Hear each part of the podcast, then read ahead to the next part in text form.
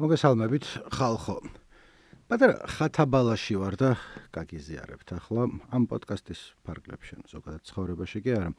ხათაბალა კი არის ასეთი, რომ დაახლოებით 3 კვირის წინ გამიჩნდა შეკითხვა ესეთი, რომ რატო არის რომ ვიღაც ტიპები რუსეთში, ვინც იყვნენ კონტრკულტურა ხალხი, რაც პანკები, წესით ჩვენი ახლობლები, ჩვენი ტომის წევრები, რატო არიან მეთქი პუტინისკენ? ერთი ვინც კონკრეტულად გამახსენდა იყო შნური, სერგეი შნურ, ჯგუფი ლენინგრადის ლიდერი, რომელიც ხარ ვიცი რამდენად იცნობთ რუსულ როკს თუ მაგ ამბებს, მე მაინც კარგად არ ვიცნობ, მაგრამ ეს არის ერთ-ერთი იშვიათი ჯგუფთაგანი, რომელსაც უსმენდი ჩემით, ანუ მე თვითონ ვთავდი ის სწორ ჯერ კიდევ ორი წლის წინ რა.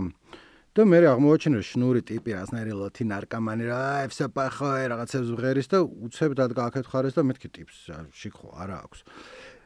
ვიდრე დანარჩენს გავაგრძელებდე, ეხა თხოვნა მაქვს ესეთი თქვენთან, რომ ამ სერიის ჩაწერა რამდენჯერმე ვცადე და მივხვდი, რომ დროდადრო მინდება ხოლმე რომ ვიბილწ სიტყვაო. ანუ რაღაცა პირი ავიმყრალო განსაკუთრებით არა, მაგრამ უცენზურო სიტყვები გამოვიყენო და ამიტომაც შეიძლება მომინდეს და გამოვიყენებ და ამიტომ ჩავთვალოთ, რომ ეს სერია არის პლუს 18, ასე რომ თუ 18 წელი არ შეგსრულებია ლაწირაკო ახლავე გამორთე, არ დავინახო, ხუმრობ, ანუ ბაზარი არ არის, გიცნობ ზოგიერთ ლაწირაკს ვინც უსმენთ ამას.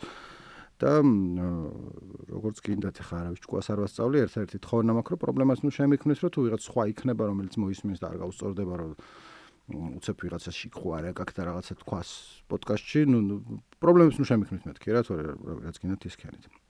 გავაგრძელებ ახლა. ხო და შნურიდან მე წავედი აი სხვებზე, ვიღაცებზე, ვინც აა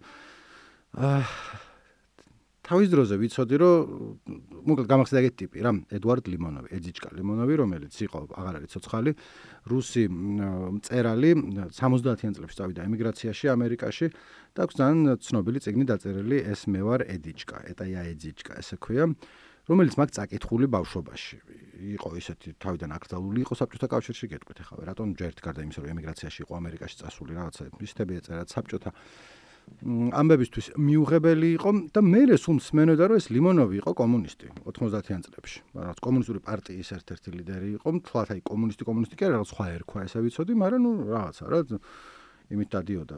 ლენინი кайკაციო იყო იძახდა და ასე შემდეგ და ვფიქრობდი რომ რანაირად დაემართა ნუ როგორ მოხდა და მაგას ჩავუღრმავდი და ნეტ არ ჩავღრმავებოდი ნუ ხათაბალა მოდის მანდედან რომ მოკლედ ერთი ციგნი წავიკითხე. ლიმონოვის პარტიაზე, რომელსაც ერქვა არაბოლშე, მოკლედ ნაციონალურ ბოლშევიკური პარტია ერქვა სპეციალურად ერქვა სახელი, რომ თან ფაშისტები იყვნენ და თან კომუნისტები კი არა და ბოლშევიკები და თან გადაობდნენ ამაზე და თან არ გადაობდნენ. ანუ რთული ამბავი იყო.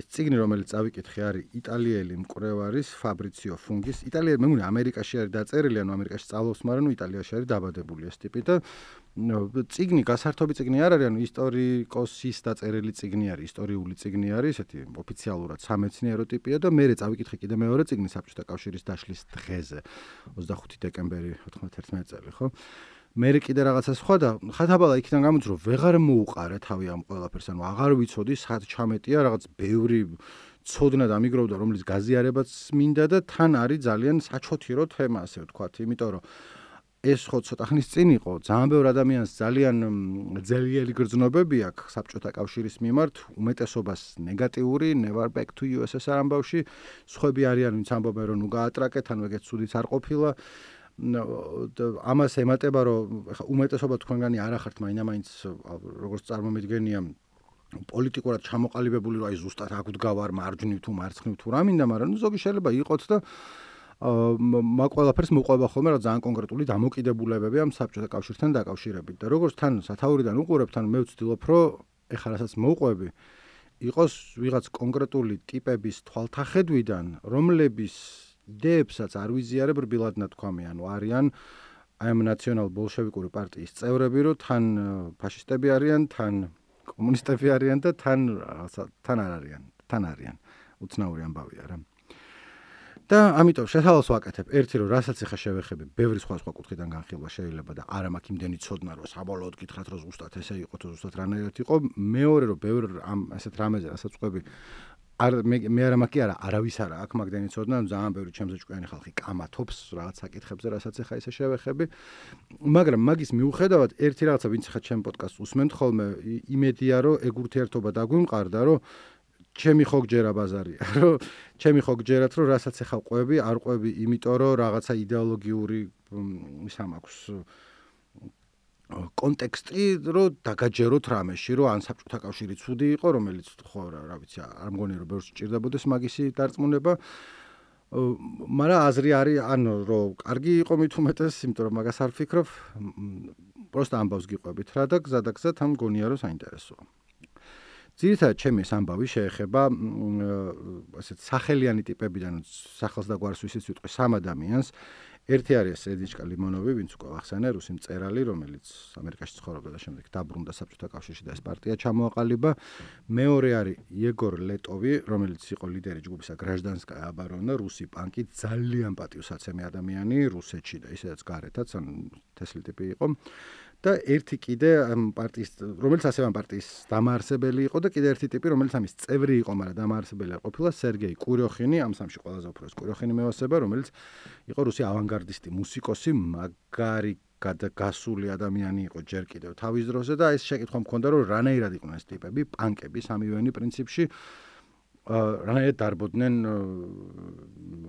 რა ქვია იმას ნამგალი და უროთი და სვასტიკებით და ვაფშე რა მოხდა. და მგონია რომ ხვდები დაახლოებით რა შეიძლება მომხდარიყო და მაგ ამბავს გიყვებით ახლა. ერთ სერიაში ამას ვერ ჩავატევ ვერაფრით, იმიტომ რომ ცადე დავიწყე რამდენჯერმე ჩავწერ ერთი 2 საათი მაქვს ჩაწერილი ამ პოდკასტის, მაგრამ წავშალე მე ისინი, იმიტომ რომ არ გამოდიოდა კარგი და ეხა კაი გამოვა თუ არ გამოვა ფეხზე მკიდიან, რაც გამოვა იმას შემოგთავაზებთ. იმის გაგებით რომ იმედია აქ არ მოდიხართ რაც ისტორიული სიმართლის გასაგებად მაინამაინც, მაგრამ ასევე იმედით რომ გჯერათ რომ რასაც ახლა ვიტყვი, გამოკვლეული მაქვს, ან კარგა სტატიებში და კარგ წიგნებში მაქვს დაკითხული სანდო ხალხთან მაქვს გავლილი და ისე მაქვს თქვენთან. ასე რომ სავარაუდოდ ვეცდები რომ ორში ჩავატიო, ეს შეიძლება სამი გამომივიდეს და პირველი ახლა რასაც მოგიყვებით არის საბჭოთა კავშირის დაშლამდე ეგ ამბავი და ესე დავიწყოთ ჯერ გეტყვით ეს სამი ტიპი ვინ არიან, რასაკეთებდნენ საბჭოთა კავშირის დაშლამდე, მან დავამთავრებთ და გზადაგზა ჩემი მოგონებებიც იქნება, იმიტომ რომ ბევრი რაღაცა მახსოვს მე თვითონ 78 წელს დაბადებული და როცა ამას ვკითხულობდი ამ ციგნებს და სტატიებს ვფიქრობდი რომ აი რაც მე მახსოვს როგორ შეესაბამება ამ ყველაფერს რასაც ახავ ვკითხულობ და ზოგი რაღაცეები შეესაბამებოდა ზოგ რაღაცებს სხვანაირად ვხედავდი რომ რა ჩანდა სიტყვაზე 85 წელს რამდენის ვიყავი? 10-საც არ ვიყავი 18-ში რო ვარ დაბადებული 88-ში ვიქნებოდი 10-ის ხო? ну კაი 88 წელს რა ჩანდა 10 წლის ჩემ თავში და მე სინამდვილეში როგორ შეიძლება რომ გარედან zoom out-ს რო zoom out-ს რო გააკეთებ სხვანაირად როგორ დაინახო. დავიწყებ ამ ეძიჩკა ლიმონოვით. ეძიჩკა ლიმონოვი იყო რუსი რაღაცნაირი ავანგარდისტი მოდი ასე დავარქვათ პოეტი და მწერალი რომელიც რომელ წელს დაიბადა არა მაქვს ამოწერილი და ფეხზე მკიდია. ცხოვრობდა საბჭოთა კავშირში და მერე წავიდა ამერიკაში ემიგრირდა 70-იან წლებში და იქ დაიწყო წერა და აქვს ეს ძალიან ცნობილი წიგნი ეტაია ეძიჩკა დაწერილი რომელიც გაიყიდა მილიონობით ამერიკაში თავიდან და მე საბჭოთა კავშირში იშლებოდა უკვე საბჭოთა კავშირშიც გამოსცეს და მაგ დროს წავიკითხე ალბათ ეს 95-ს ვიქნებოდი შეიძლება ცოტა მეტის.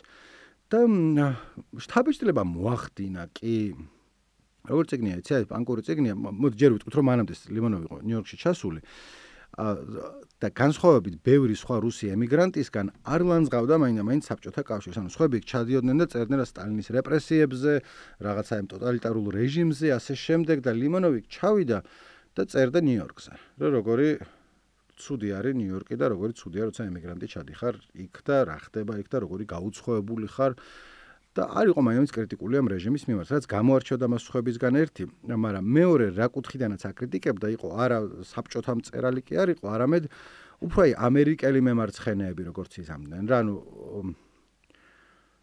ლიმონოვი ქრო იყო ნიუ-იორკში ჩასული, აბირჟავდა ხოლმე CBGB-ში. CBGB ვინც არიცით, იყო ერთ-ერთი ყველაზე ცნობილი კლუბი, რაც ოდესმე უარსებია, ანუ არა ბასიანის გაგებით, ან ბარი უფრო არა, მაგრამ ჯგუფები უკრავდნენ იქ და 80-იან წლებში ეს იყო ალბათ რავი ყველაზე თესლი კლუბი საერთოდ რაც რამე სუარსებია, იმიტომ რომ პოსტ-პანკი და აი პანკები და ვიღაცა ტიპები მან დაბირჟავდნენ ხოლმე თოქინ ჰენსი მან მღერო და ბლონდი მან მღერო და რამონსი მან მღერო და ხოლმე და რამონსთან მეგობრობდა საერთოდ ლიმონოვი და მაგის ეს ციგნი ეტაეძიჩკა იწება თავიდან როგორ რომ ვიღაც თვითონ ეს ციგნი არის ნახევრად ავტობიოგრაფიული ანუ ხატრული ნაწარმოებია მაგრამ ნუ ეძიჩკა ქვია მთავარ გმირს თვითონაც ედუარდი ქვია ამას და თავის ცხოვრებაზე ყვება უნდა რა არის გამოგონილი რა არა არის ზუსტად მაგრამ დიდი ნაწილი ალბათ არ არის გამოგონილი. იწება ესე რომ ზის სადღაც ნიუ-იორკის რომელიღაც ავენიუზე არ ვიცი აივანზე ტიტველი და ჭამს ჩის ჩი არის რაც რუსული კომბოსტოს სუპი. და აქედან იყურება და მიმართავს გარე სამყაროს რომ თქვენ ახ აქ რომ იყურებთ და მე რესებზე ვარ რას ჩამომიყვანეთ აქ?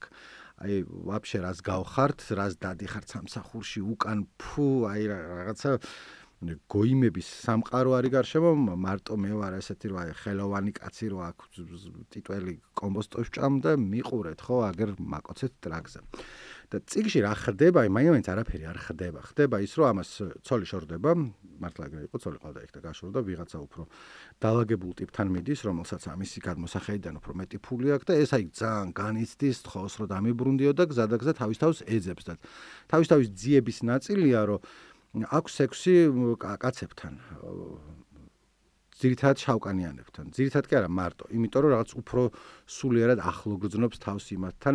იმენად რომ რაღაც ფრანგულად ეს ციგნი იყო თარგმნილი სათაურით რუს პოეტს უყვარს დიდი შავკანიანი კაცები.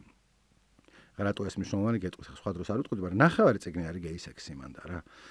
რაც კიდევ ერთხელ ირონიულია იმის გაგებით, რომ ამ ტიპმა ჩამოაყალიბა პარტია, რომელიც იყო თან ნაციონალისტების და თან ბოლშევიკების, რომლებიც ახლა მაინდა-მაინც ტოლერანტობით არ გამოირჩევიან და კიდევ ერთი დამაარსებელი ამ პარტიის, რომელიც არ მიხსენებია, იმიტომ რომ არ არის ამ საქმეში ძალიან მნიშვნელოვანი, მაგრამ გზადაგზა გამოჩნდება, რომ მაგასაც აქვს თავის როლი ნათამაშები არის დუგინი, რომელიც ხა დანარჩენ შეიძლება არ გაგიგიათ, აქედან დუგინი ალბათ გაგიგიათ, წვერებიანი როსნერი ტოლსტოა ტიპი რო არის, რომელიც რუსულ მისტიციზმზე და რაღაც ყლევაზე რო ლაპარაკობს ხოლმე და ეს დუგინიც მაგ დროს 90-იან წლებში როცა ეს პარტია ჩამოყალიბდა, იყო underground ფილოსოფოსი, რომელიც ნაციონალიზმს და რაღაცებს აწვებოდა ფაშისტო იდეებს, მაგრამ დანარჩენ არტ სამყაროში მიღებული ტიპი იყო, იმიტომ რომ ეგეც underground-ი იყო, რა, ნუ ის არ იყო ვიღაცა რომ მოდი ხელისუფლებას დაუჭიროთ მხარი, პონტი არ იყო, ყველანი იყვნენ რაღაცნაირი ოპოზიციონერი, ხელოვანი პანკები, მათ შორის ეს დუგინიც.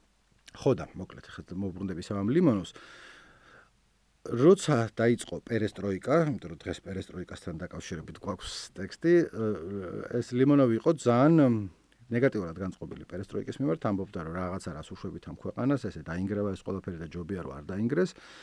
და ამ დროს ლიმონოვი იყო ეს პოპულარული გაჩითული ტიპი იყო ამერიკის რაღაც კულტურულ წრეებში. მე ნელ-ნელა ეს გაჩითულობა მოაკლდა, იმიტომ რომ ლიმონოვი რო წარმოიდგინოთ არის აი დაახლოებით დაახლოებით ზაზა ბურჭულაძე და ირაკლი კაკაბაძე რო გააერთიანო და ზევიდან ცოტა ეკოდეისაძე მოაყარო. ეხა ამ სამივეს არ ვაყენებ შეურაცხყოფას არც ერთს არც მეორეს არც მესამეს. გაცილებით სამივე მირჩევნია ცალცალკე ერთად აღებული და ყველანაირი ლიმონოს, მაგრამ აი ტიპი რო წარმოიდგინოთ რა ვიზუალურად უფრო აი ამ ზაზა ბურჭულაძე შეიძლება გავდეს ვიღაცა ვიდრე სხვას, მით უმეტეს რო ეს არის წერალია ესეც თან კაი წერალი იყო ეს.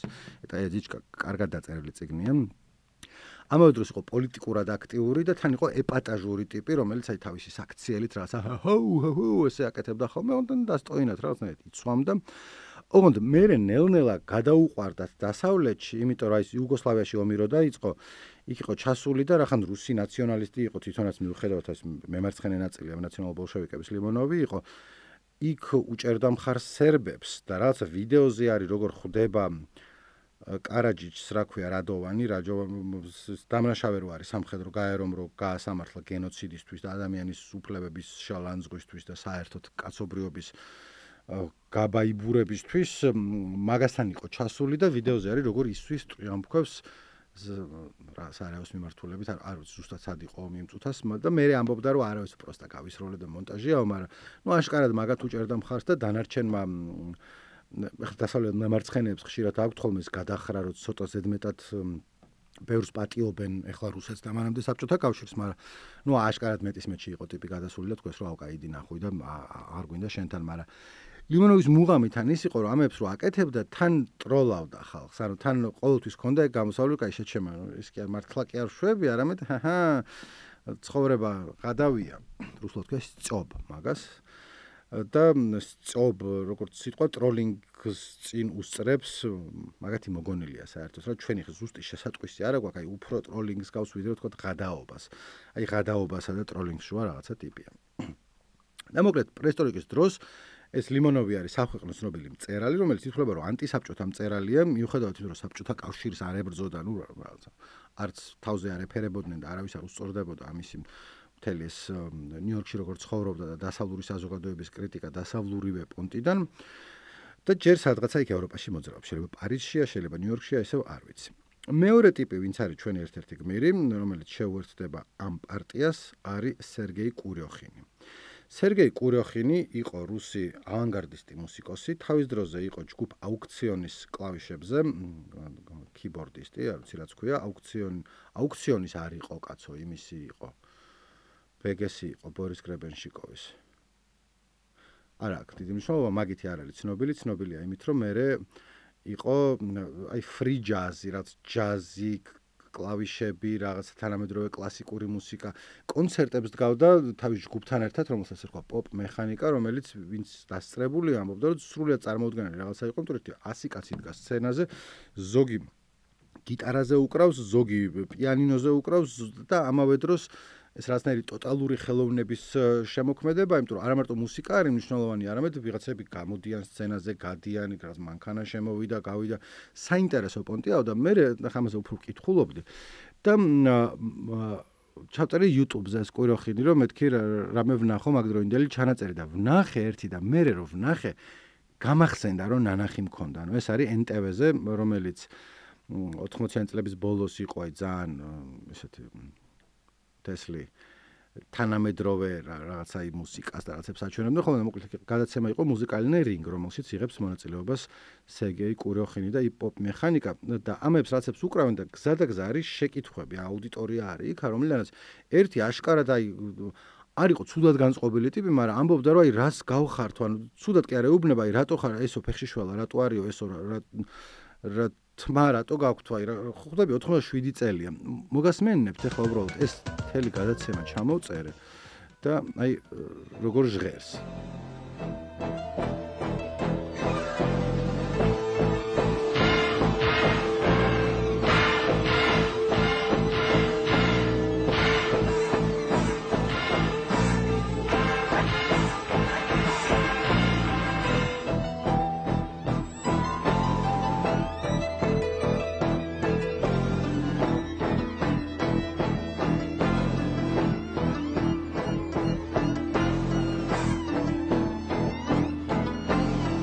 ხავტები მოსასმენად მაინდა-მაინც არაფერი, მაგრამ ნუ ავანგარდული მუსიკა სცენაზე დგას, აი დახვე უამრავი ადამიანი. მათ შორის ძალიან ცნობილი რუსები, ცოი არის ერთ-ერთ გიტარაზე, ეგ დავინახე, მეთქვა ცოი აქ რა უნდა და არა პროსტო დგას და რაღაცას თან თან თან უკრავს და ვიღაცები შემოდიან, გადიან მთელი ამბავი ხდება. კიდევ ერთხელ 87 წელია, ჯერ კიდევ საბჭოთა კავშირია, პერესტროიკის დრო არის და ფიქრობ, რომ საღოლა, აი რაღაცა აა რაც ნიავი უბერავს იქიდან რომ რაც უფრო მეც იგებ ვიდრე მანამდე იგებდი სოფლიო კულტურის შესახებ. ეს დრო ანუ ახლა ვარ 9 წლის რაღაცა ეგრე დაახლოებით მახსოვს, იმიტომ რომ კიდევ ერთხელ ეს მინახავს ტელევიზორში და შთაბეჭდილება მოახდინა, არ მომეწონა ცხადი, იმიტომ რომ ინტერნეტ არ მომეწონა და მეთქი აა ნახე როგორი რაღაცეები არსებობს. და მაგ დროს აი დაიწყო გამოსვლა ჟურნალებმა სადაც აი პოპ კულტურის და რაღაცების შესახებ იყო რაც კინოებზე ალბომების რეცენზიები რომლებიც ახლა სად ქონდა მე არც ქონდა მოსმენელი მაშინ არც იყო საშუალება რო გეშოვა მაგრამ ნუ წაკითხვით ვიცოდი ამების შესახებ და ისიც ვიცოდი რომ აი იმ დროინდელი რუსული ეს underground სცენა იყო აი ჩვენთან უბრალოდ შედარება არ არის რა იმათ ქონდათ ძალიან სერიოზულად აი ბევრი ხალხი იყო ჩართული ლენინგრადში მოსკოვში აქეთ იქით ყველგან რომლებიც ამ დასავლურ ფილოსოფიასაც ეცნობოდნენ ვიღაცა მემარცხენე ფილოსოფოსები ვინც იყვნენ ახალი მემარჯვენეები ასევე ფრანგები ამას გარდა უსმენდნენ მთელი ამბავი იყო რა ნუ დუღდა ცხოვრება. და ერთ-ერთი კიდე ვინც დუღდა იყო მესამე ტიპი რომელსაც ვამბობ იეგორ ლეტოვი რომელიც იყო ჯგუფი გრაჟდანსკაია აბარონა და განსხვავებით ამ დანარჩენი ორისგან მოიცა მოიცა მოიცა ადრე მომივიდა იყო ციმბირელი ანუ ცენტრში არ ცხოვრობდა და არის ციმბირული პანკის ჟანრის ფუძემდებელი. ამ სიმღერას ქვია სოიძოთ არა მოიცა მოიცა ამ ამ სიმღერას არ ქვია სოიძოთ პლანო, ეხლა ჩაგირთავთ სიმღერას სახელწოდებით სოიძოთ პლანო. აა და მე გადავალ ზოგად ვითარებაზე ქვეყანაში რა ხდებოდა. ვსეიზოტ პლანო ქართულად ითარგმნება როგორც ყველაფერი გეგმის მიხედვით მიდის და სიმღერის ტექსტი არის ესეთი, რომ აი პერესტროიკა არის ყველაფერი თავისი გეგმის მიხედვით მიდის და ამ დროს ეხლა ვეცდები რომ ის დრო იყოს, როცა ამბობს რომ ჩემი ცოლი მოკლეს, მკერდი ჩაუმტვრიეს, მაგრამ რა ვქნათ, ყველაფერი გეგმის მიხედვით მიდის. ცოტა ნირვანას გავს ესა. накормили толпу мировым кулаком растоптали ей грудь всенародной свободы растерзали ей плоть так закопайтесь ее во Христе ведь все идет по плану все идет по плану. Все идет по плану. 喜爱的阿爸不冷。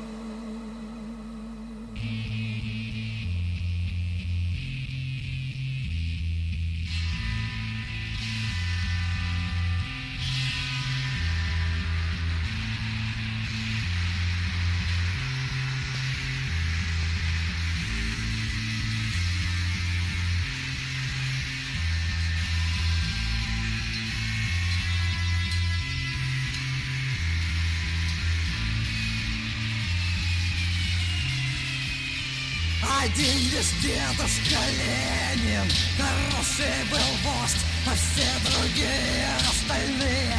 Такое говно, а все другие враги. Такие мудаки Над родною, над исчезной бесноватый снег-шоу Я купил журнал Корея Там тоже хорошо Там товарищи Мерсен Там тоже что у нас что у них то же самое И все идет по плану Все идет по плану ამ სიმღერის სხვა ვერსიებიც არის, როცა ლეტოვი გიტარაზე მღერის და უფრო აი და პაპლანო, მაგრამ ეს უფრო მომწონს, თორე ასეთი პანკური ის არის. მოსმენელი ქონდა ამ ტიპს, ხა მანამდე რაც ხდებოდა ამერიკაში ძირითადად და ასევე რაც შეეხება ხა მის დამოკიდებულებას საბჭოთა გარემოსთან, ორი წლით ადრე, ეს არის 87 წლის სიმღერა. 85-ში ლეტოვი იყო საგიჟეთში ჩასმული, იმიტომ რომ სიმღერებს ვღეროთ, ანუ მაშინ იყო ხოლმე დასჯის საშუალება და ანუ ხო შეიძლება რომ მოხდეს ფსიქიატრიულ დაწესებულებაში გიმკურნალო, მაგრამ ეს იმენა ფსიქიატრიული დაწესებულება არ იყო საგიჟეთი იყო, დასასჯელად swamდნენ, რომ ფაქტობრივად ციხე იყო რა. და გამოვიდა იქიდან ტრავმირებული და ძალიან რაღაც კონცერტებზე იყო ხოლმე, ადრე გარბოდა რომ ვიღაც არ მისულიყო და ისევ იქ არ წაეყვანათ. ანუ ეს სამი ტიპი რომელიც ჩამოთვალე, არც ერთი ერთი წასული იყო საბჭოთა კავშირიდან, დანარჩენი ორი იყო ავანგარდისტი მუსიკოსი, ერთი პანკი იყო და მეორე რა არ ვიცი რა იყო. არავინ არ ემხრობოდა მაინდა-მაინც იმას რაც ხდებოდა ქვეყანაში. ოღონდ მაშინ რაც ეგ მომისმენია, აქედან სხვანაირად ჩანდა რაღაცები, აი რა გონია რა ქვეყანაში ხდება და რუსეთიდან ჩანდა სხვანაირად. აი რას გულისხმობ, ახლა ვეცდები რომ ახსნა. ცოტა შორიდან მოული, თელი ცხოვრება მეგონა, აი რაც თავი მახსოვს, რომ საბჭოთა კავშირის დაშლა იყო შეუქცევადი და ყოველასთვის კარგი და ყოველას ერთი სული ქონდა რომ ეგ დაშლილიყო. ანუ ის რომ ცოტა უფრო გვიან 87-ში ჯერ არ იყო, მაგრამ 88-ში და 99-ში როცა დაიწყო საპროტესტო მოძრაობები, ჩვენთან როცა დაიწყო, მანამდე პოლონეთში დაიწყო, რა ვიცი, სხვაგანაც ისე ჩანდა თითქოს აა მორჩა რა, ანუ მიდის და დაშლილია ეს ყველაფერი და რაღაცა დრო ჭირდება და აღარ იქნება საბჭოთა კავშირი და კარგი ცხოვრება დადგება, იმიტომ რომ ყოველას ყოველას გვექნება ლიბერალური დემოკრატია ჩვენ რაღაც ჩვენ თავს აა მივხედავთ და ამ დროს როცა ესე გამოჩნდა რომ საბჭოთა კავშირი იშლებოდა ამასთან ახლდა სერიოზული შიშები. ხა მე მახსოვს საქართველოსში რაც ახლდა შიშები, ერთი ვთქვა, ერთ-ერთი მ ჩემო კლასელმა მითხრა მესამე თუ მეოთხე კლასში რომ ეხლა დამოკიდებულება კარგი კი არ არის, მაშინ მე თურქეთი შეგჭამსო. რაც მახსოვს ეგ რომ მითხრა და მე ვფიქრობდი რომ თვითონ ხო არ მოუფიქრებია მესამე კლასელბავს ეგ სახში გაიყო სადღაცა. და სახშიც იყო ეს რაღაცა გაურკვევლობა მომავლის მიმართ რომ ხა კაი მარტო კი ვიქნებით მაგრამ მე რა გავაკეთოთ ხო? მე რა გავაკეთოთ ვინც იყვნენ ძალიან ოპტიმისტები ისინი ამბობდნენ რომ არაფერს გაკეთება არ დაგჭირდება მარტო ბორჯომი და ის გადაგვარჩენს ღვინო მაღაზიები ცხოვრებს და ნუ კარგად ვიქნებით რაც ბოლომდე ალბათ თანაც არ ჯეროდათ მაგრამ whatever. და იყო კიდე ესეთი ძალიან გავრცელებული გამოთქმა, რომ თავარი რომ დამოუკიდებლები ვიყოთ და ბალახს შევჭამთ. ანუ თავარი არის დამოუკიდებლობა, იმათ მოშორდეთ და მე რაღაცას ვიზამთ რა. რომელიც აა არის სენტენცია, რომელიც მე აღმოჩნდა რომ არ ბალახი ჭამა არ არის საკმარისი ერთი, მაგრამ მეორე არის რაღაცას ფრაზა, რომელსაც მე დღემდე ვიზიარებ. ანუ მირჩევნი რომ ბალახი არ უჭამო, მაგრამ ასევე მირჩევნია რომ ქვეყანა იყოს დამოუკიდებელი. მაგრამ ნახე ეგ ჩანს ჩვენთან რა საბჭოთა კავშირი იშლება და ძირითადი პირველიაც გახსენდება დამოუკიდებლობა არის და არა მარტო ის კომუნისტების გადაგდება. დამოუკიდებლობა არის თავი და იმათვის რუსეთში ვინც იყვნენ ხა იმათი ნაციონალიზმი დამოუკიდებლობა ხო არ იყო? კაი შეიძლება საბჭოთა კავშირი აღარ უნდათ რომ იყოს ან კომუნისტები მაგრამ მაგათინა ვისგან და იყვნენ დამო თვითონ რუსეთი არის ვისგანაც ყოველას უნდა გარშემო დამოუკიდებლობა. და ამიტომ ეგ მომენტი რომ ბალახს შევჭამთ და ავიტანთ ამ გაჭირვებას ოღონდ ეს ჭირი მოგშორდეს მაგათთან იყო როგორც ჩანს უფრო სუსტი ვიდრე. ჩვენთან იმიტომ რომ ჩვენთან ეს ნაციონალური სენტიმენტები იყო ნაციონალისტური თუ რა ვიცი როგორ არის სწორი ძლიერი რომ ჩვენ დამოუკიდებლობა გვინდა და ამიტომაც ავიტანთ გაჭირვებას თუ ეს გაჭირვება მოვა და რუსეთში იყო რომ კარგად გვინდა რომ ვიცხოვროთ და ძალიან განსაკუთრებით ის ხარაც არის შეიძლება არ მოგწონს ამ წუთას მაგრამ არც არა ვართ რომ ღმერთო ჩემო მოსკოვის დიქტატი მოგშორდეს თავი და იმიტომ რომ მოსკოვის დიქტატი მაგათ ქვეყნის დედაქალაქია და on ბალახ შევჭამთ მომენტი ანუ ეკონომიკური კრიზისი საბჭოთა კავშირში დაიწყო საკაიფოდ მანამდე ვიდრე დაშლა დაიწყებოდა. 80 წლების შუიდან უკვე ქვეყანას დაძრეული ქონდა სერიოზულად. ნელ-ნელა ეკონომიკურად მე ხა მახსოვს ის რომ სკოლაში მეც მაძლევდნენ ტალონებს. ტალონები იყო ასეთი ტიპი რომ ამოჭრიდი და ზედ ეწერა რომ გეკუთვნის რამდენიღაცა კარაქი. ანუ კარაქის ტალონი მახსოვს ხორცისაც იყო ზოგან ლობიოსიც იყო მაგას ამობენ მე ეგარ მინახავს. და იდი ამ ტალონის რა იყო რომ ისე ტალონის გარეშე წესით ვერ იყიდდი ამ პროდუქტებს მაღაზიაში. იმიტომ რომ ცოტა იყო დეფიციტი იყო და რაღაცა ის კარაქის ტალონი მნიშვნელოვანი იყო, რომ სახში კარაქი გქონოდა, whatever. ცხადია, ტალონის გარეშეც იყიდებოდა ეს ყველაფერი შალბაზარზე, მაგრამ ნუ იყიდებოდა შალბაზარზე. ცალკე უნდა გაჩალიჩა და უფრო ძვირი იყო. და რის თქმა მინდა, რომ ეს უკმაყოფილება იმდროინდელი საბჭოთა კავშირის ერთი ძალიან დიდი ნაწილი იყო იმის, ეკონომიკური უკმაყოფილება, იმიტომ რომ დაძრეული ქონდა ქვეყანას და არაფერი უკეთესი პირი არ უჩანდა. რატო ქონდა დაძრეული, ეგ არის სერიოზულად საკამათო საკითხი. ანუ აქამდე იყო ცალსახად მეც ესე მეგონა რომ ეგ ქვეყანამ ვერ გაუძლო შეიარაღების რბოლას ამერიკასთან ანუ რეიგანმა იქ ძალიან მნიშვნელოვანი როლი ითამაშა იმიტომ რომ იმათ უფრო ძლიერი ეკონომიკა ჰქონდათ და როცა საბჭოთა კავშირს ჭირდებოდა რომ ამათაც რაკეტები და რაღაცეები იყიდო მოკლედ ფული აღარ ეყოთ ჩამოიშალა ქვეყანა და ფული აღარ დარჩა. ახლა დღეს ითვლება რომ ეგ არ იყო მთავარი კომპონენტი თუ საერთოდ რაღაცა როლი ჰქონდა და არც ეკონომისტი ვარ, არც ისტორიკოსი, ამიტომ ძალიანაც ნუმენდობით, მაგრამ რამდენიმე სტატიაში მაქვს ესე წაკითხული, რომ ბევრი სხვა სხვა მიზეზი იყო ამისა. ერთი მთავარი მიზეზი იყო გეგმიური ეკონომიკის ნაკლოვანებები, საბჭოთა კავშირში იყო პლანოვე ეკონომიკა, რომლის მიხედვითაც რახან სოციალისტური ქვეყანა იყო, ბაზარზე კი არ იყო მიშვებული ბაზარი როგორ გადაწყვეტა, რომ ვის რისი ყიდვა უნდა და ვის რისი გამოშვება, არამედ ზევით მოსკოვში ან რაღაც ტიპები ისხდნენ და ცხრილებს აკეთებდნენ სად საიდან რა უნდა წამოსულიყო, სად რა უნდა წასულიყო, სად ვის უნდა მიეღო ეს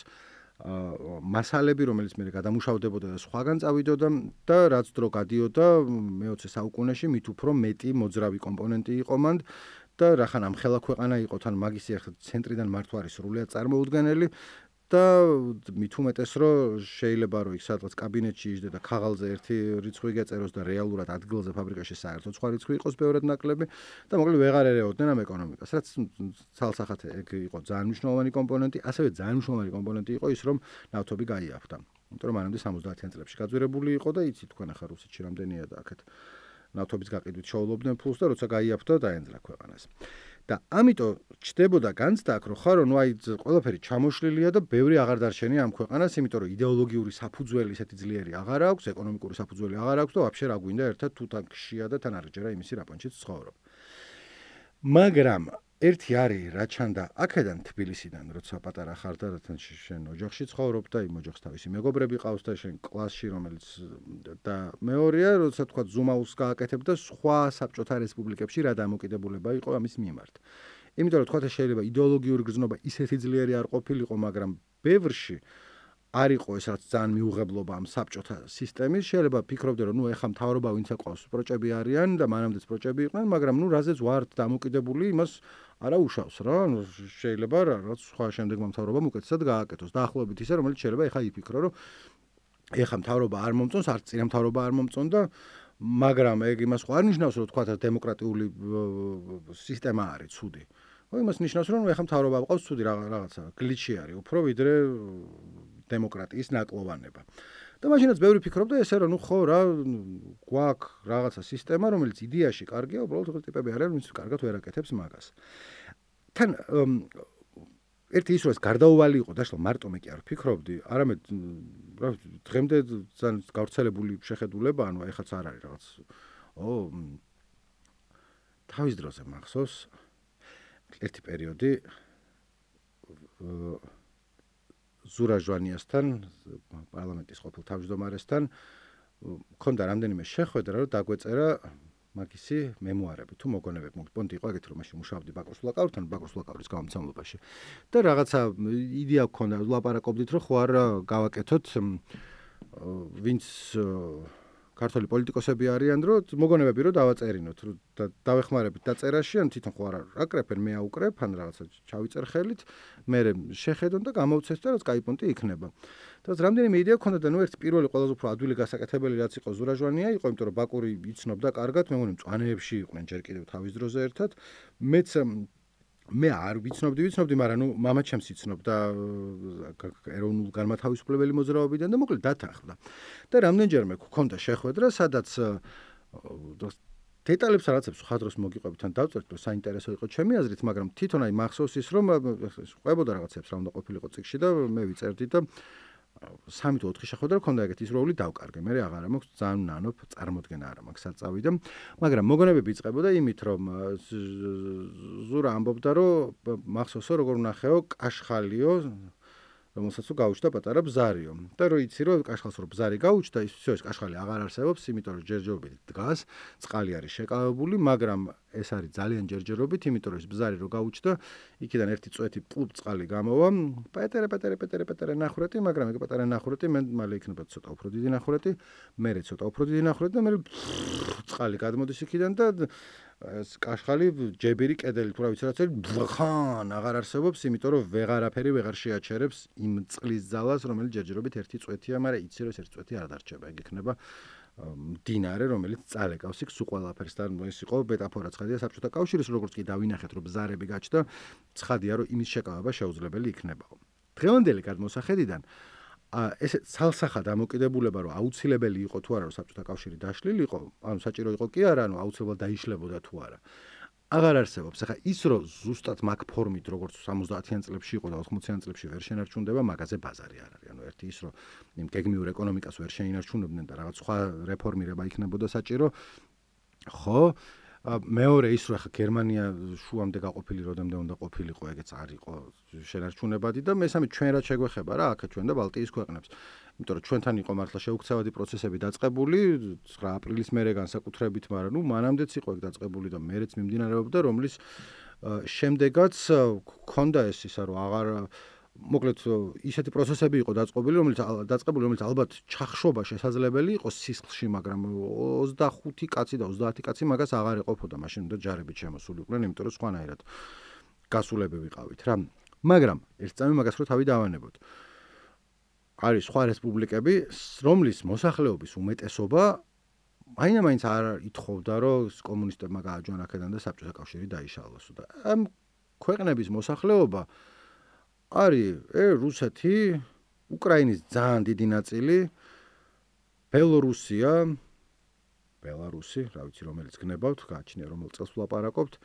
ეგით ყაზახეთი, ყირგიზეთი, თურქმენეთი, შეიძლება სომხეთიც გააჩნია, იმიტომ რომ იმათ კიდე თავიანთი ის კონდათ ამბავი აზერბაიჯანთან მიმართებაში და ნუ იმათი ნაციონალიზმი და იმათი დამოკიდებულება გარესამყაროს მიმართ კიდე ხა მანდ მაგას თემას შორიდანაც არ შევეხები, უბრალოდ ხო გასაგებია რომ შეიძლება მაგათაც იქით ერჩივნოთ მაგ კონკრეტული მიზეზების გამო. ან შეიძლება ახლა კიდე მამჩის ვლაპარაკებოდი იმ დღეს და ვიდრე 9 აპრილი იქნებოდა და ვიდრე სისხლები დაიღურებოდა ესენგე რომ მანამდე შემოეთავაზებინა საბჭოთა კავშირს და ეთყო რაც ფედერაციაში ვართ, აი გაცილებით უფრო დიდი უფლებები გაქვთ, რაღაცებს ჩვენ გავაკეთებთ, რაღაცებს თქვენ გავაკეთებთ.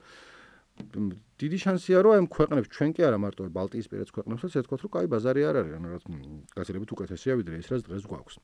ხო, ამით რისი თქმა მინდა ხარ რატო ბოდა ვაკეთ იქით რომ იმ წუთას ისე ჩანდა და დღემდე ესე მომყვებოდა რომ რო დაიწყო დაშლა, всё, მოსჩა, დაიშლებოდა, მაგრამ ამ counterfactual ქვია ამას ინგლისურად კონტრფაქტი თუ არის ქართულად როგორ არის რაც ისტორიკოსებს არ უყვართ ხოლმე ანუ რა მოხდებოდა სხვანაირად რომ ყოფილიყო რამე რაც გასაგებია რატო არ უყვართ? იმიტომ რომ არ მომხდარა ეს სხვანაირი რაღაცა და არ ვიცით რა მოხდებოდა და მარჩიელობა არ გვინდა მაგრამ მნიშვნელოვანიც არის დრო დრო მაგის განხილვა იმიტომ რომ ეს რა მოხდებოდა რაღაცნაირად პასუხობს შეკითხვაზე რა მოხდა და რატო მოხდა.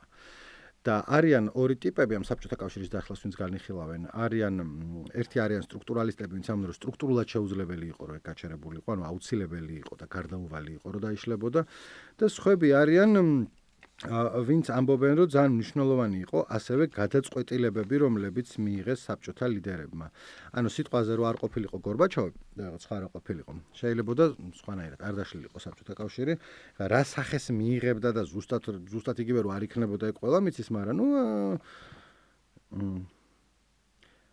აი მაგალითად მოყავთ ესე რომ აი ჩინეთი ხო არის დღემდე კომუნისტური ქვეყანაა ეკონომიკა სრულიად არ აქვს კომუნისტური, მაგრამ ნუ ზოგადად კომუნისტური ქვეყანაა და იდეაში შეინარჩუნეს ძალიან დიდი გამოწვევების მიუხედავად, როცა ეგონათ, რომ შეიძლება და ქვეყანა დაიშლებოდა, ან რაღაცა რეჟიმი შეიცვლებოდა თუ ხელისუფლება შეიცვლებოდა თუ რაც ქვია. აა აგენი რატო თქვი, ხა და ამდენი ხანი რატო ველაპარაკე მაგაზე? იმიტომ რომ იყო ხალხი, ნორმალური ხალხი, ოღონდ არა საქართველოსში ცხოვრები ნორმალური ხალხი, რუსეთში ძირითადად ვინც უკმაყოფილო იყო იმ წუთას არსებული ვითარებით, მაგრამ ასევე ვინც არ გიждდებოდა ამ რაღაც დასავლეთზე რა და რაც თავისი სხვა პონტი უნდათ და კი იყვნენ პანკები, მაგრამ ასევე ამბობდნენ, რომ ისიც არ მოგწონს რაც არის ლიმონოვი, ეგრე იყო, ეგ ნიუ-იორკში ცხოვრობდა და აუტანელი კაცი, ანუ ნახევარი ციგნი აქვს, რომ ეს როგორ აა თქვენ არ მოგწონთ, თქვენ ხარჯზე რო ცხოვრობთ, იმიტომ რომ იმას იღებს დახმარებას. ჰუმანიტარულს კი არა პასობიე რა ქვია თვეში ერთხელ რომ მიდიხარ და რაც მას გაძლევენ და არ გინდათ რომ გადამიხოთ მაგრამ მე მაინც ვიღებ ამ ფულს იმიტომ რომ არას ჩამომიყვანეთ აქ თუ ესეთი პროჭები იყავით. მე აქ ვექნები ანტარან ანტარან ანტარან და მე ფიქრობ რომ შეჩემა. ჯერთ ფიქრობ რომ სოციალიზმი რომელი უფროა რომ ვიღაც უცხო ქვეყნიდან ჩამოსული ტიტველი მწერალი რომელიც იფურთხება და იგინება იმანს ფულს აძლევ ყოველთვე რომ იქ იყოს თუ აქ რო იყო საბჭოთა კავშირში ლიმონოვი, რომელსაც ყოველთვის ფულს უსაქმრობაში არავინ არ მისცემდა იქ. საბჭოთა კავშირში მაგას ერქვა რუსულად ტუნეიაცტვა თუ რა ვიცი და თუ გაფორმებული არ იყავდა სადღაც არ მუშაობდი, სერიოზულად პრობლემები შეგექმნებოდა. აი ეგრე. მეორე ნაწილი ამ ხალხის აუკმაყოფილების რაც იყო, მოდი ისევ ლეტოს დავე სესხები და ერთ სიმღერას მოგასმენინებთ, რომელსაც ქვია მაია აბარონა, რომელიც აი მართლა ძალიან კაი სიმღერაა. ჩემი აზრით. ტექსტს გითარგმნით ახლა როცა დაიწყებს Пластмассовый мир победил Макет оказался сильней Последний кораблик остыл Последний фонарик устал А в горле сопят комья воспоминаний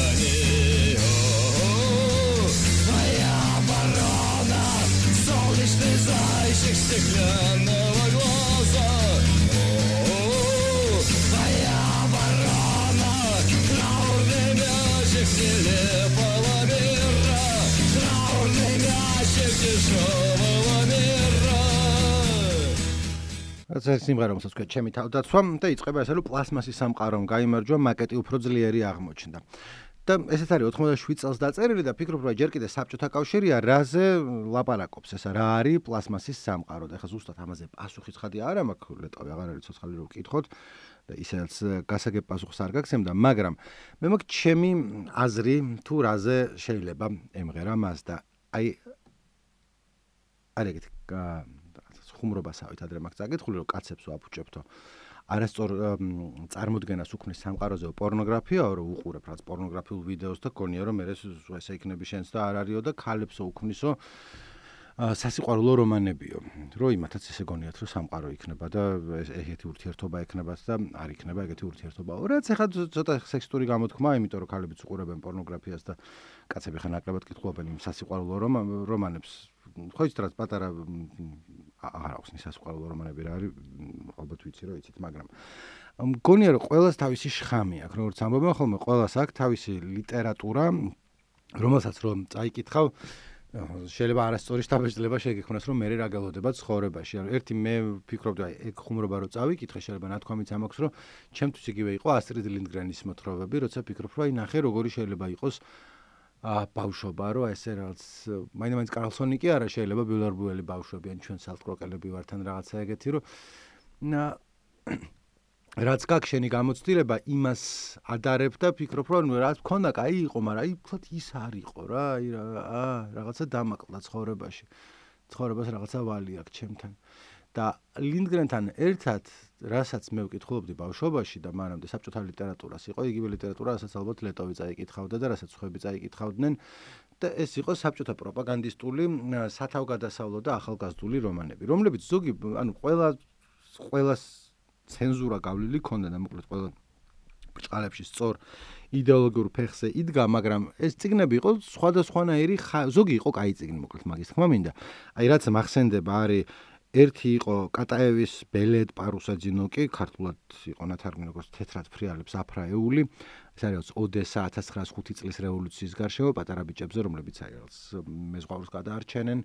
რომელიც რომელიღაცა კრეისერის აჯანყებიდან არის წამოსული. ნახევრად ავტობიოგრაფიული წიგნია.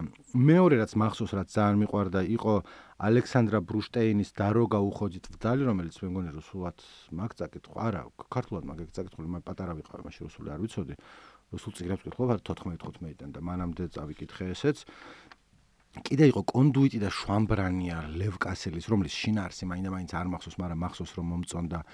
კიდე იყო ანატოლი რიბაკოვის სათავგადასავლო აი მოდეტექტიურო ციგნები დაშნა და ბრინჯაოს ფრინველი სადაც სამოქალაქო ომის დროს ხდება მოქმედება. რის თქმა უნდა ეს ციგნები იყო ციგნად იყო კაი ციგნები. ერთ წამი რომ თავი დაანებო რომ რეალურად რა იყო და იქ რას ყვებიან ჯერ კარგად იყო დაწერილი საინტერესო ამბები იყო და მეორე მხრივ ხარ რასაც ციგნი გასწავლის თავდადებას სიმამაცეს, მეგობრის გვერდში დადგომას, ხვებზე ზრუნვას, რაღაცა მთელ ამ ამბებსო ცუდი გაკვეთილები არ იყო აქედან. და თან იყო აი ის რატო თქვი რომ ის პორნოგრაფია და სასიყვარულო რომანები და ასტრიდ ლინდგრენი სამყარო დახატული სადაც უფრო საინტერესოა ცხოვრება ვიდრე ეხა შენ ცხოვრობ. იმიტომ რომ როგორც წესი ეს რომანები რაღაცა გლობალური კატაკლიზმების ფონზე ვითარდებოდა ხოლმე და ეს იყო ან რევოლუცია ან სამოქალაქო ომი ან მეორე მსოფლიო ომი. და თან აი ესე იყო ნაჩვენები რომ კი, კარგად იქ არავინ არ ჭამდა და არავის არ ულხინდა, მაგრამ კარგი დრო იყო იმ ხრივ, რომ თეთრი და შავი არსებობდა და შენიყავი თეთრის მხარეს იმ ციგში რა და იბრძოდი იმისთვის, რომ ყველას ეცხოვრა უკეთესად.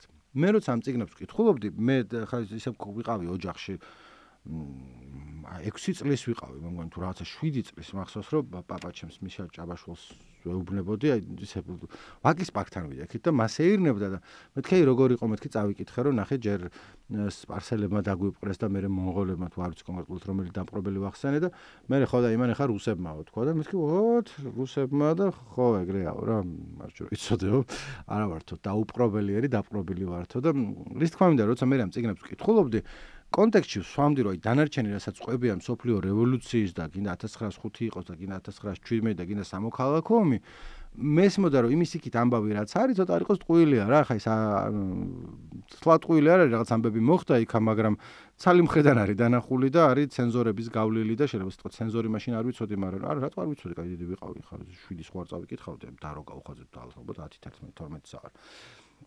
მაგრამ მაშინვე მესმოდა რომ ამბავი ერთია და გაკვეთილი მეორე და გაკვეთილი ის რომ აი მაშინ რა კაი ცხოვრება იყო არ არის სწორი მაგრამ ამავე დროს ეხლა ხვდები რომ ბევრი სხვა განსაკუთრებით რუსი თუ ხარ ამ წიგს წაიკითხავდა რატომ მაია აბარონდა პლასმასოვი მიერპაბიძილ საიდან მოდის პლასმასის სამყარო რომ ამ წიგნებს კითხულობ და იქ წარმოიდგენ სამყაროს სადაც შეიძლება არ გილხინს ფიზიკურად საჭმელი იმდენი არა გაქვს, კომფორტი არა გაქვს, მაგრამ გილხინს სულიერად, იმიტომ რომ ბრძოლაში ხარ, იმიტომ რომ იბრძვი რაღაცა გლობალური სიკეთისთვის და ამ დროს ეხა ხარ 87 წელს, როცა არც საჭმელი არის, გარშემო ვიღაცა ჯერ იყვნენ და ბებერი ლიდერები ანდროპოვი თუ რა ვიცი ჩერნენკო თუ რაღაცებს ლაპარაკობენ რომელიც არავის არ ევასებოდა საერთოდ დედამიწის ზურგზე. მე მოეთრა ეს გორბაჩოვი რომელმაც დაიწყო გლასნოსტი და პერესტროიკა, რომელიც რაც არ უნდა უცნაური იყოს, გორბაჩოვი ძალიან უყვართ დასავლეთში, იმიტომ რომ აღიქმება ადამიანი, რომელსაც დაასრულა ეს ცივიომი და ეხლა კიდე უკრაინაში ომამდე ვლაპარაკობ და პუტინის ბოლომდე გაგიჟებამდე. ესე იყო, რომ აი მანამდე ნერვიულობდით ცივიომია, როდის გვესვრიან ისინი ბომბებს, როდის ვესვრით ჩვენ ბომბებს და მე და გორბაჩოვი მოვიდა და გლასნოს პერესტროიკა ჩამოგვართვა ხელი და ჯიგარი იყო. რაც რამე სტატია წამიკითხავს ისტორიკოსების, ზოგი უფრო მერცხენე იყო, ზოგი უფრო ამარჯვენე. ყველა მიიჩნევს რომ გორბაჩოვი იყო ცოტა დებილი. აი რაღაცა არ არ იცოდა მაინც რას აკეთებდა. გორბაჩოვის პრობლემა ის იყო ამ ჩემი იდეა იმ რაც წავიკითხე იმას გიზიარებთ რომ ერთი ის რომ კი იყო რეფორმისტი და ახალგაზრდა იყო შედარებით. გორბაჩოვი იყო პირველი საბჭოთა ლიდერი, რომელიც დაიბადა 1917 წლის შემდეგ, ანუ დიდი ოქტომბრის სოციალისტური რევოლუციის შემდეგ. მანამდე სულ ყველა იყო 1917 წლამდე დაბადებული. ახლა ბებრები იყვნენ სულ რა ვაფშე სად იყვნენ ჩარჩენილები და ეს იყო რაღაცა უფრო ახალგაზრდავითომ ენერგიული, მაგრამ ამის ენერგიული კომუნისტი იყო ტიპი, ანუ კომუნიზმზე იყო გაზრდილი თან მორწმუნე კომუნისტი იყო. ისე სიტყვით კი არა, ლენინისტი იყო და მაგისი რეფორმების ნაწილი იყო რაღაც ხრი, როგორც მესმის დაბრუნება ლენინიზმთან. ანუ რაღაც როცა რაღაცა შეკითხვა ქონდა თავის თავთან გორბაჩოვს და რაღაცა გარშემო როგორ უნდა გაეკეთებინა ლენინის ტომს გადაშლიდა ხოლმე და იქ პოულობდა შეკითხვას და ლენინი დიდი ხნით ადრე ცხოვრობდა გორბაჩოვამდე კოსმოსში არ იყო ადამიანი გაფრენილი თუ რა ვიცი მოკლედ რა არ იყო პასუხები იმ შეკითხებზე რომელიც ამას აწუხებდა და ამან გადაწყვიტა რომ ეს ყოფილიყო საჯაროობა გაზრდილიყო რაღაცა უფრო პასუხისგებლობიანობა ყოფილიყო რაღაცა სახის დემოკრატია არჩევნების სახით ყოფილიყო დაშვებული მაგრამ ამავე დროს გვერდზე ყავდა ისეთი ჰარდკორ მახროვი რაღაცნაირი კომუნისტებიც რომლებსაც ეგ არ უნდათ და პირიქით აჩერებდნენ რომ არა რაღაც ძლიერი ხელი უნდა გამოვიყენოთ აქ რაღაცები უნდა მოვგუდოთ და ეკონომიკას უფრო და უფრო ენძრეოდა და მოკლედ რეცეპტი იმისი რომ თუ როგორ გინდა რომ ქვეყანა დაშალო არის რომ ხალხს რო შეა და ამ დროს ვისაც რა გინდა იმის თქმის საშუალება აქვს ვისაც რა გინდა არ იყო ეგრე მაგრამ ზომიერად შეგიძლია რომ რაღაცა შენი აზრი გამოთქვა და თან ეს შენი აზრი გამოთქვა ხო არავინ მაგითი კმაყოფილი არ რჩება ან შენ ვახარ საქართველოსში და აი ხა მოგეცა საშუალება რომ მიკროფონში რაღაცა თქვა ოღონ ცოტა რა ოღონ თავი შეიკავე ბოლომდე არ თქვა და მე რომ თავი შევიკავკე რა თქვენ მოგიტყობთ სულ ყველას ჯერ ერთი მშია და მეორეს ერთი რა დაპყრობილ ქვეყანაში ცხოვრობ და ვაფშე აღარ მინდა აქ ცხოვრება. და ანუ ერთი არის ის რომ ცოტა გლასნოსტი როცა არის რომ ვისაც რა უნდა ილაპარაკოს ის ხალხი ვისაც ცოტა მეტი სიტყვის თავისუფლება აქვს ამით კმაყოფილი არ არის რომ ცოტა მეტი სიტყვის თავისუფლება აქვს ბევრად მეტი გინდა. და მეორე რომ ვისაც ეგ კიდია, და ადამიანების უმეტესობას კიდია, საქართველოს ეგრე იყო და სხვაგანაც ეროვნული გამათავისუფლებელი მოძრაობა 9 აპრილამდე იყო, 20 კაცი იყო სულ, რომლებიც დანარჩენები მაგის ვინ ათესავები ფიქრობდნენ, რომ ეგენ გიჟები არიან, თავს რატო იწვალებენ, მოეშვი რა, წადი სამსახურში, მოდი და ეხლა ნუ იქნები, ეხლა ლენინზე ნუ გაგიჟდები სახში, მაგრამ ძალიანაც წყალს ნუ აამღრევ. ხო, ხო ეგრე იყო. და მით უმეტეს რომ დანარჩენ საბჭოთა კავშირში ვიღაც ტიპების რაღაცა სიმბირში სოფელში რო შედან და ტელევიზორს ჩართავენ და ამ დროს პერესტროიკაა და ვიღაცა რაღაც იმაზე ხდომაზე რაღაცებს ლაპარაკობთ? ფიქრობ აუ ეს ვაფშე არასწორებს ანუ მირჩევნია რომ ის იყოს ყველა ზრდილობიანი იყოს აქამდე როგორც ვიყავით და აი მანამდე კომუნისტური გადაცემები რო ეს წამყვანი ზის თუ დომშლობის მოგესალმებს ლაპარაკობს და უცებ პერესტროიკის მერე ის იყო რაც გაჩვენა 97 წელი ვიღაც ფეხშიშველა მომღერლები გამოდიან და უცებ ახალგაზრდა დინამიკური ჟურნალისტები ჩიტებიან და კი კაია ზოგადად პროგრესისტვის მაგრამ ნუ სადაც რო ზიხარ არ არ არ ხარ ისე კმაყოფილი იმითი რომ ეგ მოხდა როგორც შეიძლება რომ ყოფილიყო. როგორც შეიძლებოდა რომ ყოფილიყო ეს ისტორიკოსებისაც ამბობდნენ ერთ ერთი პოდკასტს მე რა The Rest is History დომინიკ სენბრუკი და ტომ ჰოლანდი ორი ინგლისის ყველაზე ცნობილი ისტორიკოსი ყვებიან რაღაც ამბებს და ამ საბჭოთა კავშირის დაშლაზე რო ყვებოდნენ ამბობდნენ რომ ელცინს და გორბაჩოვს ერთმანეთთან უკეთესი ურთიერთობა ქონოდათ ვინძლო არ დაშლილიყო საბჭოთა კავშირიო და ეხლა მაგ ამბავს მოგიყევით და მე შემ დარჩენი შემდეგზე იყოს. მეთქი რა ამბავი და მოკლედ გორბაჩოვი ხო არის ლიდერი საბჭოთა კავშირის კომპარტიის და ამ დროს გაიჩნდა ელცინი რომელიც რომელსაც თავისი ხალხი უბრალოდ თავისი ა რომელიც აღიქმებოდა როგორც ასევე პროგრესული ფრთის წარმომადგენელი, ენერგიული, რაღაცა ისეთი მნიშვნელოვანი კომუნისტი, რომელსაც რაღაც ცვლილებების გაკეთება უნდა. და ელცინი არის ძალიან თავის თავში შეყვარებული და ძლიერი ხასიათის მქონე ადამიანი, გორბაჩოვიც ეგეთია, ჯიუტია და რაღაცებზე ერთმანეთს დაეტაკნენ. და ერთმანეთს რო დაეტაკნენ, მოკლედ ერთხელ მეორეჯერ და მესამეჯერ გორბაჩოვმა გამოიყვანა ელცინი. ეს არის 85 წელი. და საჯაროდ კომპარტიის ხდომაზე მიაჯვა. ოღონდ აი ძალიან სერიოზულად, უთხრა ვაფშე დინახვი აქედანო, ცოტა ზედმეტები მოგივიდაო და მეტი აღარ ნახო რომ ესე მოიქცეო. და ელცინი წავიდა სახლში და ჩაირტყა მაკრატელი მკერდში, თავს იკლავდა და წაიყვანეს საავადმყოფოში.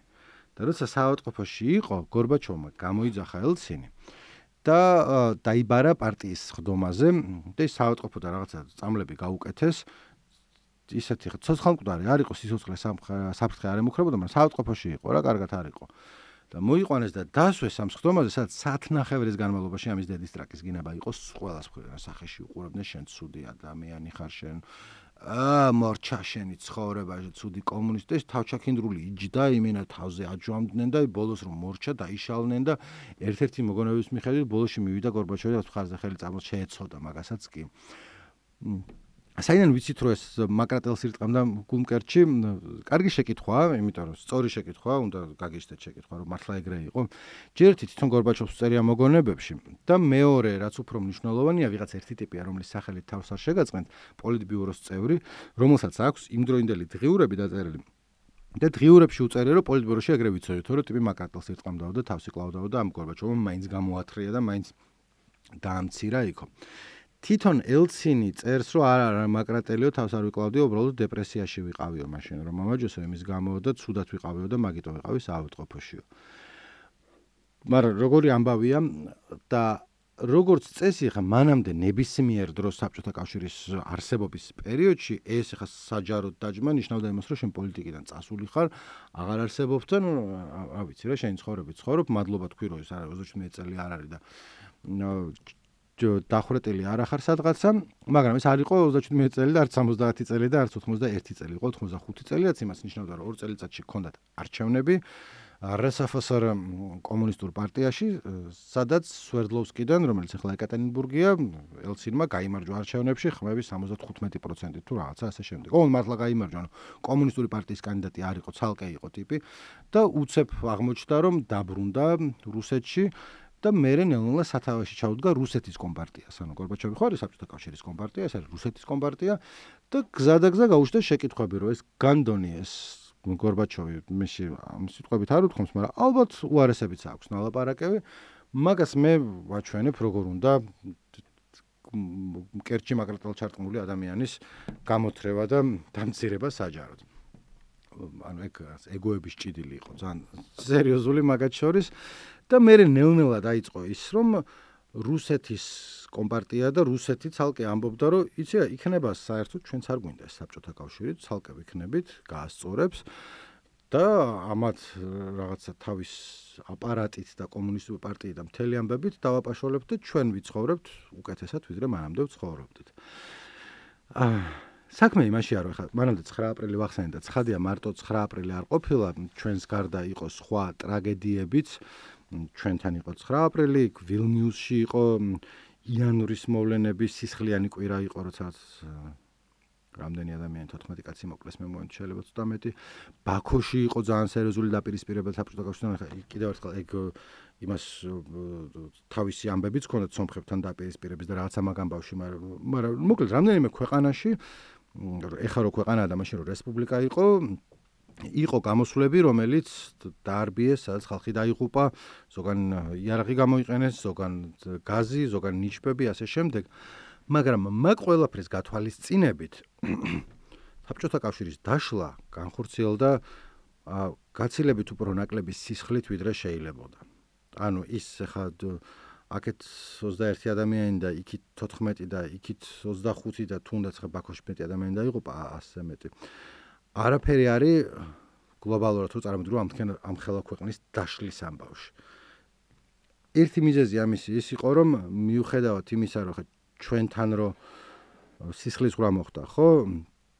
ცხადია რომ საბოლოო ბრძანება ალბათ გორბაჩოვიდან მოდიოდა და გორბაჩოვი თვითონ არ იყო სისხლიანი კაცი, ან კი გასცემდა ბრძანებას, მაგრამ არ რო ეთქვა რომ ეხა არ იყო საკმარისი 9 აპრილის თბილისში და უნდა ჯარით თავს დავესხათ და ავოტნოთ, ავაოხროთ ვაზები და ავჩეხოთ და რაღაცა მერე რაც ისქნეს ჩეჩნეთში იქნეს რუსებმა ალბათ იტყოდა რომ არაო, იმიტომ რომ არ არ ეპიტნავებოდა, არ იყო მაგათი სტილი რა, ესაც სისხლში ჩახშობა ნაციონალური სენტიმენტების. და რაც კარგი იყო ჩვენთვის და ცუდი იყო იმისთვის, რომ საბჭოთა კავშირი როცა დაიშალა 91 წელს დაიშალა მოულოდნელად. მოულოდნელად რა მანამდე იყო რომ იქ იყვნენ რუსეთში აგვისტოს პუჩის ამბავს გიყვებით ახლა ორი სიტყვით. აა მაღალჩინოსანი კომუნისტები, რომლებიც უკმაყოფილო იყვნენ ამ პერესტროიკით, გლასნოსტვით, იქ რაღაცა ქართველებმა იქ გაირონიეს, იქით ბალტიისპირეთის ქვეყნებმა გაირონიეს და თქვეს, რომ ამათო ჩვენ ახლა უნდა მოვაკეტინოთო და ჩვენ უნდა ჩავიგდოთ ხელში კონტროლიო. ოღონდ ეს ტიპები, ვინც აგვისტოს პუჩში მოაწყეს 91 წელს, იყვნენ სერიოზული ყლეები, ანუ აი არაკომპეტენტური სირები იყვნენ, რომელსაც პუჩში ვერ მოაწყენ ქვია. მიუხედავად იმისა, რომ ერთი კგბ-ს უფროსი იყო, მეორე თავდაცვის მინისტრი იყო, მე მგონი, რომ ანუ ესეთი პრემიერ-მინისტრი სერიოზული ხალხი იყო რა, ესეთი მესვეურები ამ საბჭოთა კავშირის და გადაწყვიტეს, რომ ჩაეგდოთ ხელში რვა კაცი იყო ძირითადად ხელისუფლება დააკავეს გორბაჩოვი, რომელიც თავის დაჩაზე იმყოფებოდა აგარაკზე, ფოროსში. მაგრამ ვინ არ დააკავეს ელცინი, რომელიც ერთ-ერთი ყოველდღიური გავლენიანი პოლიტიკოსი იყო მაგ დროს. ასევე გორბაჩოვი კი დააკავეს და გარშემოს კგბ-ში და მაგრამ არ იყვნენ მზად რომ ვინმე მოეკლათ. ანუ წესით ამ ხელა პუჩს რო აკეთებ, ერთი გორბაჩოვი უნდა მოეკლათ, მეორე ელცინი, მერე ვიღაცეები კიდე მიეპრესათ და მერე თქვათ რომ всё, კარგად იყავით, ეხლა ისევ საბჭოთა კავშირი დაბრუნდა, welcome back to USSR, ეხლა თქვენ დაგენძრათ სულ. ამის ნაცვლად ტიპები გამოვიდნენ ტელევიზორში უბანძესი პრესკონფერენციით, რომლის დროსაც ერთ-ერთ თავარ შეთქმულს ხელები უკანკალებდა ესე ანუ ჩანდა რომ უტრაკომეტრაკები იყვნენ ამ ხელა პუჩს რო დაგეგმა მე ანუ მე კი კარგია რომ ესე წავიდა როგორც წავიდა მაგრამ ну აი არაკომპეტენტური ყლეების ზეიმი იყო ესა რომლებმაც პუჩი ვერ მოაწყვეს ვერანაირად. კაციშვილის არც მოკლა უნდათ არც დაპატიმრება. უბრალოდ გაუბედავი გაბედული ხალხი იყო რომელიც დასრულდა იმით რომ ელცინი რომელიც რატო არ დაიჭირეს კაციშვილმა არც ის ან რატო ვერ მოახერხეს მისი უზრუნველყოფა კი არა, რა ქვია მეორე სიტყვა. ვიცით, რასაც გულისხმობ. უგულებელყოფაც არ არის. უვნებელყოფა ღმერთო ჩემო. რომელიც დაბრუნდა მოსკოვში, ხალხი შეკრიბა, წავიდა იმ თეთრ სახში, რომელიც პარლამენტის შენობაა. და ბოლოს მოკლედ გამოათრიეს ის გეკაჩეპე იქიდან, გეკაჩეპე ერქვა ის ვინც პუჩი მოაწყვეს გასუდასტვენი კომიტეტი ჩრესვიჩაინა პალაჟენიო და გააჯმეინეს იქიდან. ეს ამბავის დასრულდა გაცილებით ნაკლები სისხლით, ვიდრე შესაძლებელი იყო. რამდენიმე ადამიანი დაიღუპა იქ შეტაკებების დროს, მაგრამ აი 3 თუ 4 ან 10 არისო რა გაცილებით ნაკლები და ისიც ერთ ტანკმა გადაუარა შემთხვევით არის სროლა და რაღაცა უბედურება არ მომხდარა. სროლა და რაღაცა უბედურება 2 წელიწადში მოხდება, შემდეგ სერიაში მოგიყვებით, როცა რუსეთის 93 წლის კონსტიტუციურ კრიზისზე ვილაპარაკებთ, რამაც საერთო ჯამში მოახდინა რადიკალიზება იმ სამი ტიპისა, რომელზეც თავიდან გიყვებოდით და რომელზეც რომლის შესახებაც დაგვავიწყდა და მე მოკლედ დაიხსნა გორბაჩოვი ელცინმან, ჩამოიყვანა ფოროსიდან, ონტი უკვე ჩანდა ვინ იყო თავარი და ვინ იყო ნაკლებად თავარი, ანუ ხელი შეაშველა რომ ჩამოდიოდა და მე მაკრატლის მკერჩი ჩარტყმა ესე არ უნდაო და ესეთ ძალიან ცნობილი სცენა არის, როცა გორბაჩოვი და ელცინი გვერდზე ვერც ხედან და ელცინი უდებს წინ სიას პირდაპირ ეთერში და უბნება რომ ესენი წაიკითხეო ეხაო და სია არის გორბაჩოვის მიერ დანიშნული ტიპები რომლებმაც პუჩი მიიღეს მონაწილეობა დამამცირებლად ესე ხელს ადებდა ეს და ჩანდრო ახლა ეს გვარი წაიკითხე ახლა ეს გვარი წაიკითხე და ის ой язов конечно он тут принял вот не хорошо получилось გავიდა ცოტა ხანი და საბჭოთა კავშირი დაიშალა დაიშალა ისე როგორც არიშლება ხოლმე მსგავსი უცნაური ამბავი იყო. საბჭოთა კავშირი ოფიციალურად დაიშალა, როდესაც რუსეთის, უკრაინის და ბელარუსის ლიდერები შეხვდნენ ბელავეჟსკაია პუშჩაში, რომელიც ბელოვეჟის რა ქვია, რაღაცა, ბელოვეჟის ტყე, პატარა არ არის პუშჩა ტყე, მაშინ ტყე იქნებოდა. ბელოვეჟში. ბელარუსში, სადაც თქვენ რო კარჩ ნახვი საბჭოთა კავშირიო, ჩვენ ცალ-ცალკე ვიყოთო და ვიქნებითო ესენგეო რა დამოუკიდებელ დსთ დამოუკიდებელ სახელმწიფოთა თანამეგობრობაო ისე რომ გორბაჩოვს არც უთხრეს ამის შესახებ მაინდა მაინც და всё დაიშალა ეხლა როგორც თანამედროვე მკვლევარები ამბობენ ნახე აქ რა არის პრობლემა ბევრი მოსახლისთვის ვინც ცხოვრობდა რომ ეს სამი ქვეყნის ლიდერები სამივე იყვნენ კომუნისტური პარტიის ლიდერები. ანუ ჩვენთან რო იყო რა ზვიადი სახალხო ფრონტი რაღაცა მთელი ამბები განმათავისუფლებელი მოძრაობა რომელიც მე მოვიდა სათავეში კომუნისტების ნაცვლად იქ იყო რომ ის კომუნისტური პარტიის ლიდერები ვინც უკვე იყვნენ იმათ თქვეს რომ მამენ ჩვენ გვაწყობსო სამივესო აქედან რომ ცალცალკე წავიდეთ ან უკეთესი პონტია გავარტყიოთ გორბაჩოვს და საბჭოთა კავშირი და რაღაცა ჩვენ თან მოსხდებითო და ჩვენ ჩვენ თავს ვიხედავთო ხო ან ძალიან დიდი განსხვავება როცა დისიდენტები მოდიან ვინც ამბობდნენ რომ ეს წყობა იყო არასწორი და ნახო ჩვენ უნდა ვიყოთ ახლა აქ და ის ხალხი ვინც მაშინ უკვე სათავეში იყო და ამბობდნენ რომ ხელი მოვაწეროთ მე ესენი მექნება შენ ესენი გექნება და დევიშალეთ.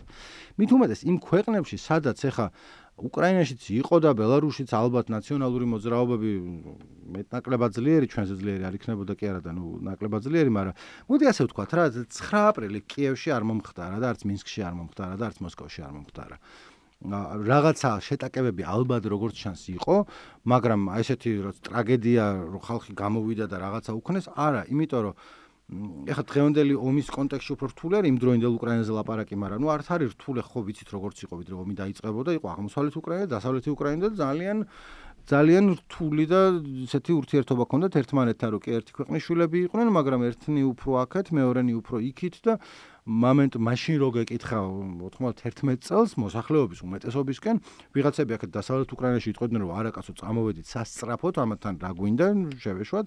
მაგრამ ძალიან ბევრი სხვა ადამიანი იტყოდა რომ არაკაცო აქ ვიყოთ რა რაღაც შევცვალოთ და ცოტა ხპური თუ გვექნება და ტალონები აღარ დაგჭირდება და რაღაცას ეკონომიკას რაღაცას უშვებით ვიყოთ ერთად კაცო რას ვიშლებით ხო მით უმეტეს რომ მე ეს მაგრამ ნახე რაც ვიკიპედიაზე 2013 წელს ჩატარებული გამოკითხვებია როცა კითხეს 2013 წელს სომხებს, ყირგიზებს, რუსებს და უკრაინელებს 2013 წელს სომხეთში 12%-მა თქვა რომ კარგი იყო საბჭოთა კავშირი რომ დაიშალაო და 66%-მა თქვა რომ უფრო მეტი ცუდი მოიტანა ვიდრე კარგიო.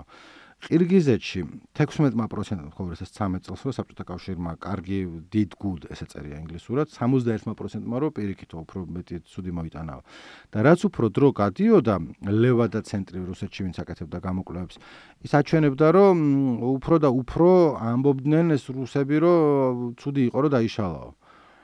50%-ზე მეტი ამბობდა რომ ცუდი იყო რომ დაიშალაო. 2014 წელს 57% ამბობდა რომ ცუდი იყო რომ დაიშალაო 2018 წელს ამბობდა 66% რომ ცუდი იყო რომ დაიშალაო. და უკრაინაში 2005 წელს 50% ამბობდა რომ ცუდი იყო რომ დაიშალაო. 2013-ში 56%. და 2016 წელს 2014 წლის მოვლენების მერე უკვე 35%-ამდე დავიდა უკრაინელების რაოდენობა, ვინც ამბობდა რომ ცუდი იყო რომ საბჭოთა კავშირი დაიშალაო. მაგაზე არ არის ამ წელს და იმ წელს, მაგრამ ხო ხვდებით რას ვამბობ, რომ ჯერ კიდევ მაშინ როცა იშლებოდა ამ ბელოვეში რომ ხელი მოაწერა შეთანხმებას ამ უზარმაზარი ქვეყნების მოსახლეობამ და წარმოიდგინე რუსეთი, უკრაინა, ბელარუსი, ყაზახეთი, ყირგიზეთი ბევრი ქვეყანა რომელიც არ იშლებოდა არსად რა ვიყო თუ ერთად ამბობდნენ და არის მილიონობით ადამიანი რომლებიც ერთად რო შეკრიბო მაინც სუპერ პაუერია პოლონეთის, გერმანიის და საქართველოს გარეშეც. სერიოზულად მას წარმოადგენს ძალას.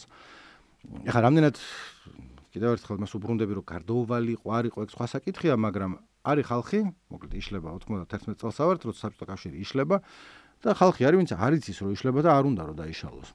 და მით უმეტეს არ უნდა რომ დაიშალოს და გადის ერთი წელი და ეკონომიკა თუ აქამდე ცუდი იყო, მე ხდება ძალიან ცუდი.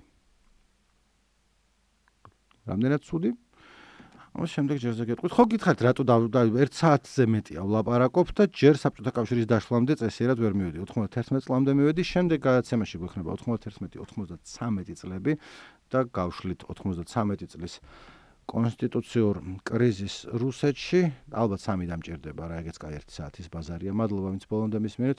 მიყვარხართ, კოცნით.